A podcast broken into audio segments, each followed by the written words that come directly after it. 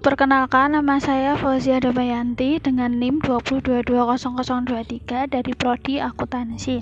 Saya akan mempresentasikan materi topik 4 mengenai data.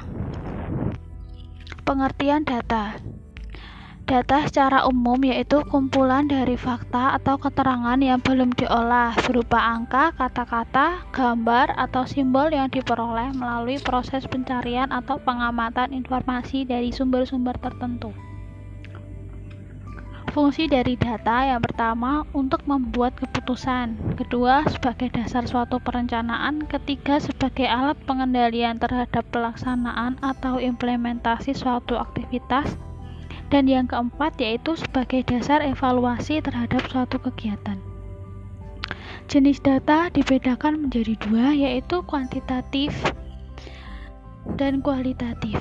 Data kuantitatif adalah suatu bentuk data yang dinyatakan dalam bilangan atau angka, contohnya jumlah penjualan, harga saham, nilai tukar. Data kualitatif adalah suatu bentuk data yang dinyatakan dalam bentuk simbol, gambar, atau verbal. Contohnya kuesioner kepuasan pelanggan.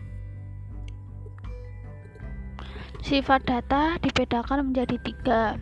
Yang pertama, dikotomi, merupakan data yang bersifat pilah satu sama lain atau data yang dikelompokkan. Contohnya suku, agama, jenis kelamin, pendidikan. Sifat yang kedua yaitu diskrit. Diskrit merupakan data yang proses pengumpulan datanya dijalankan dengan cara menghitung atau membilang. Contohnya seperti jumlah anak, jumlah penduduk, jumlah kematian.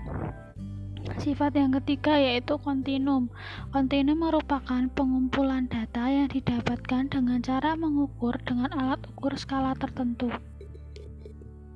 Seperti suhu, berat, berat bakat kecerdasan. Cara memperoleh data dibedakan menjadi dua, yaitu data primer. Yang pertama yaitu data primer. Data primer yaitu data yang didapatkan dari sumber pertama atau dilakukan sendiri oleh si peneliti secara langsung, seperti hasil wawancara dan hasil pengisian kuesioner.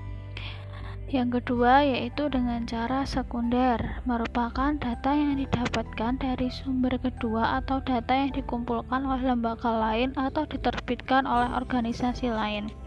Sumber data dibedakan menjadi dua, yaitu internal, merupakan data yang didapatkan dari kondisi lembaga atau organisasi yang melakukan penelitian sendiri, bukan dari hasil orang lain.